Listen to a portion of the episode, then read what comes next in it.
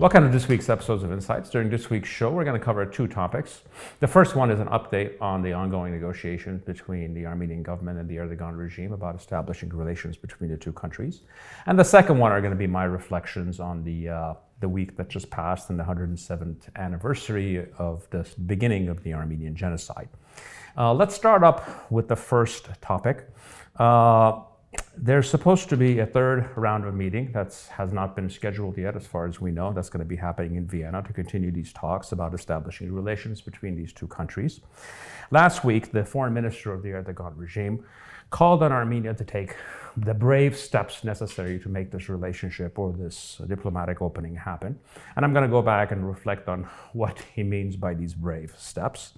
Uh, and he went on to say that from this point on, after the third meeting, these conversations should be held in Ankara or Yerevan and not in third countries. Uh, the Armenian foreign ministry sort of, you know, immediately threw back at him by uh, pointing out that they had actually proposed to have uh, the borders open for people with diplomatic uh, uh, passports to go back and forth. And it was something that was rejected by the Erdogan regime. And as you know, that's quite a very small thing because there's very few people that actually have diplomatic passports. Let's move on and focus on what all of this means. And I want to focus on that one particular phrase used by the Turkish foreign minister, which is the Armenia needs to take brave steps. And what are these brave steps? Uh, it's simply not opening up embassies in different capitals or establishing relations, because frankly, no matter what people think, those are not brave steps for two countries that are neighbors and actually recognize each other and each other's territorial integrity. What he actually means by brave steps is Armenia's willingness to capitulate to all Azeri demands, or in fact, we should talk about of Aliyev's demands in his negotiations with Armenia. That's what he means by brave steps, not establishing relations between these two countries. And this has nothing to do with uh, anything between Armenia and uh, the Erdogan regime. It has to do with the interests of the Aliyev regime. We need to understand what the Erdogan regime wants out of these talks. It's actually two things. One, this is part of their broader public relations offensive and showing that you know they're trying to make peace with their neighbors. They're doing this in multiple areas in multiple countries, and we just happen to be one of them. And uh, essentially to fool gullible Europeans and Americans into believing that they're sincere about this, when in reality they are not. Uh, this is just a public relations ploy that's going to get to nowhere. And the second one, uh, given their level of alliance and uh, close workings uh, in cooperation with the Aliyev regime, is to essentially use these the establishment of these relations as some kind of a lever to enforce the demands of the Aliyev regime on the Armenian state. What is it that we should take with all of this back and forth and understand for our purposes? Uh, first and foremost, the fact that we have to have these long negotiations is actually the proof of the insincerity of the other side because this is not a very difficult process if you're going to recognize each other and open up uh, diplomatic relations and open up embassies. Uh, second of all, and I think this is key because there's always this uh, notion that this will be some huge favor to Armenia, or if the border is open, you know, it's going to save this country, which is actually not true. Uh, in 1993, it actually would have been true, but it certainly isn't true today. Uh, whatever damage the blockade of Armenia did uh, by the Turkish regime in the, in the, 90s, actually the economy has adjusted to it and moved on. And in very real terms, any opening of the border uh, and establishing relations actually benefits the Turkish side uh, as much, if not more so, than the Armenian side for one simple reason is because this could become a lifeline for the miserably poor Turkish provinces that are bordering Armenia, which in many cases are have per capita incomes that are half or one third of Armenia. So this is actually a lifeline to a lot of this, the most neglected and poorest part of current day Turkey. Lastly, and I think this is a key to understand because you know history is full of ironies. This blockade of Armenia, uh, as damaging as it was in the 90s, actually could have boomeranged in our favor as time went by, and I'll, and I'll tell you how. First and foremost, uh, unlike all of our neighbors that are closely economically tied to Turkey, anything that happens in that country, and it's, it's a country whose economy is always going through turmoil and massive currency devaluations, uh, has absolutely no effect in Armenia. And we see whenever the Turkish economy uh, goes in a negative direction, actually has an impact, a negative impact on neighbor uh, Georgia. And now, obviously, they have absolutely no impact on what happens here. And secondly, and most importantly, the blockade actually forced us to readjust our economy toward development through, uh, through development models and into industries that really don't involve transportation. And the two most notable ones being IT and diamond processing, and both of them have no transportation needs. So, uh, what they tried to do by isolating this country ended up, uh, might end up uh, entirely boomeranging by pushing us into industries that are far more profitable and pay much higher wages.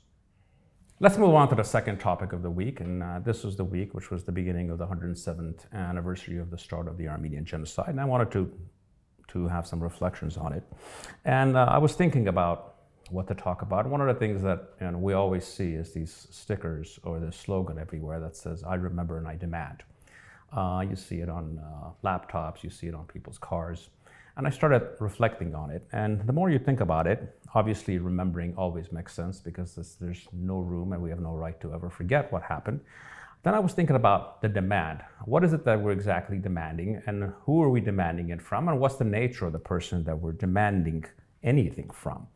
Uh, and the more I thought about it, uh, what is it that we should want? What is it that we should demand? Uh, the one thing that I came up with is absolutely nothing. And let me explain. Obviously, there's two issues here. There's the moral issue, which you can obviously have demands because our ancestors were driven off of land that they've lived on for millennia, their wealth stolen, murdered, cultural landmarks destroyed. From a moral perspective, demands make complete sense. But from a practical point of view, I, make, I think they make absolutely no sense. And let me explain to you why. Expectations at its base uh, denote a level of understanding, moral, historical, political maturity that really doesn't exist in Turkey, and in fact hasn't existed in that country for hundreds of years. Let me give you a perfect example of this. Uh, uh, more than a decade ago, there was this fantastic campaign by this Turkish journalist named Cengiz Aktar, who's actually one of the best journalists in that country, uh, that if the Turkish state was not going to apologize and make amends with the Armenian nation, they started an I Apologize campaign, which was a fantastic effort. And uh, it led to 32,000 different Turkish individuals signing it, some of the most prominent members for the, intellect, for the intellectual class in that country. Uh, and God bless them all for doing so. However, in reality, it's 32,000 really brave souls out of a country of 70, 75 million people, however you count it. Uh, one thing that's clear here, and it's important, is for us to always engage with what I call the non-fascist Turks. Always be supportive of their efforts, whatever efforts they're fighting for in Turkey, we need to be supportive of. But at the same time, we need to understand that in reality, they do not reflect their countrymen, uh, that their countrymen, for the most part, hate them and hate what they do to sort of better understand uh, really where this Turkish denial and their whole campaigns uh, that they've spent all this money on to try to demand very basic historical truth comes from, I think you need to so go, go back and understand the basic nature of the Turkish state. There's this notion uh, in the West, especially, that Turkey is another kind of a Middle Eastern screwed up, semi democratic political system, when in fact that's not the case. Turkey is actually the political system in that country is actually quite European. It's actually 1920s European, but it's actually quite European. And at its base, what Turkey is, is actually the last unreformed fascist state uh, in the post World War I period. You know, we've had uh, fascist states from Germany, Italy, Portugal, Hungary, and many of them who actually have moved on from worshiping their cult fascist leaders from the 20s, and the Turks have never done that. And I think there's also a misunderstanding with the word fascist because nowadays fascist and Nazi are the same thing, and it's actually not. Fascist ideology is predates Nazism, and it's about the idea of a supreme state, a state that is above and beyond all social divisions, class divisions, and can make uh, all the right decisions for this mythical collective. Uh, and what this state, in this case the Turkish state, has done is essentially uh, go on a hundred year murder spree, starting with the Armenians, the Greeks, the Jews, and the Assyrians. And once they were done with them, they moved on to the non uh, Sunni Turkish minorities, and, and now anyone who's progressive or leftist.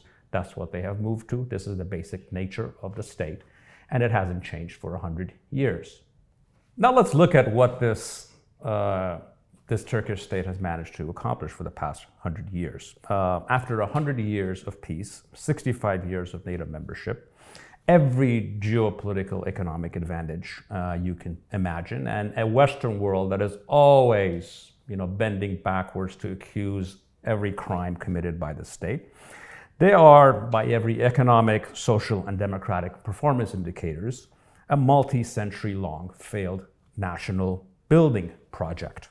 Now, you might ask, you know, how can I call that state a failed state or a failed national building project? Because it's obviously a very functional state, has a powerful military, uh, great statecraft, and uh, is a country that's taken seriously by all the world powers. Very simple, because what constitutes a successful country, a successful country, not a state, uh, in the modern context are three things. First of all, how affluent your people are. Number two, if your people are free and are they're governed under the rule of law. That's key. And three, uh, is your political economic model any kind of an attractive model for people for in other countries? And if you judge that country by those three standards, the answers to all of those three questions is an emphatic no. And there's no better example of this is the fact that there's endless, countless polling that you see uh, when young Turks, 18 to 29, are asked about if they would leave the country. Somewhere over 70% of them in multiple surveys said that they're more than willing to leave their country if given a chance, and over 40% of them have actually made plans to do so. Let's look at these indicators in real terms. Uh, you want to see failure in economy, uh, per capita income in Turkey is somewhere in the 8,000 range and falling because of the continued devaluation of their currency. To put things in perspective, Greece, which is hardly any kind of a massive success story in, in, in uh, international economics, has a per capita income that is in the 17, 18,000 range and is a far more affluent country despite all of its troubles. Uh, let's move on to the political system. Uh, and I think this is, this is key here. There's this notion uh, that what's wrong with the Turkish political system is Erdogan. Once he leaves, things are going to change. In fact, that's not really the case. Uh, the Turkish opposition, uh, for what it is, except for the HDP party, which is an actually progressive Kurdish-based party, uh, is essentially agrees with all the main points uh, that uh, the sort of the, the, the, basic fascist nature of the Turkish state is not something that they oppose. They just want better, more competent, and less corrupt people running it. In real terms, Erdogan and his half men around him are far more reflective of the country than a lot of people would care to admit. As a final measure, you know, you sort of judge a, uh, a country and a political system or a culture uh, by its ability to produce ideas or political leaders that add to the sum total of human freedom. Uh, so I have a question. Who we may ask is the Turkish Willy Brandt, or the Nelson Mandela, or the Václav Havel, or even the Mikhail Gorbachev. The truth is that that country does produce people of that caliber, except unlike in most other countries, they're either murdered, put in prison, or forced into exile. In short, they're not a country or a nation worthy of demanding anything from outside of their benign neglect. They're simply too insecure, immature, and pitiful in every way to have any expectations from. In close, what are our tasks? Our, our task is to create a country that is wealthy, strong, and has deep political and international relationships that can minimize the impact of the Turkish regime or that country on our lives. All other expectations are simply illusions. Thank you for joining me in this week's episode of Insights. Pity the nation whose people are sheep and whose shepherds mislead them. Pity the nation whose leaders are liars, whose sages are silenced, and whose bigots haunt the airwaves.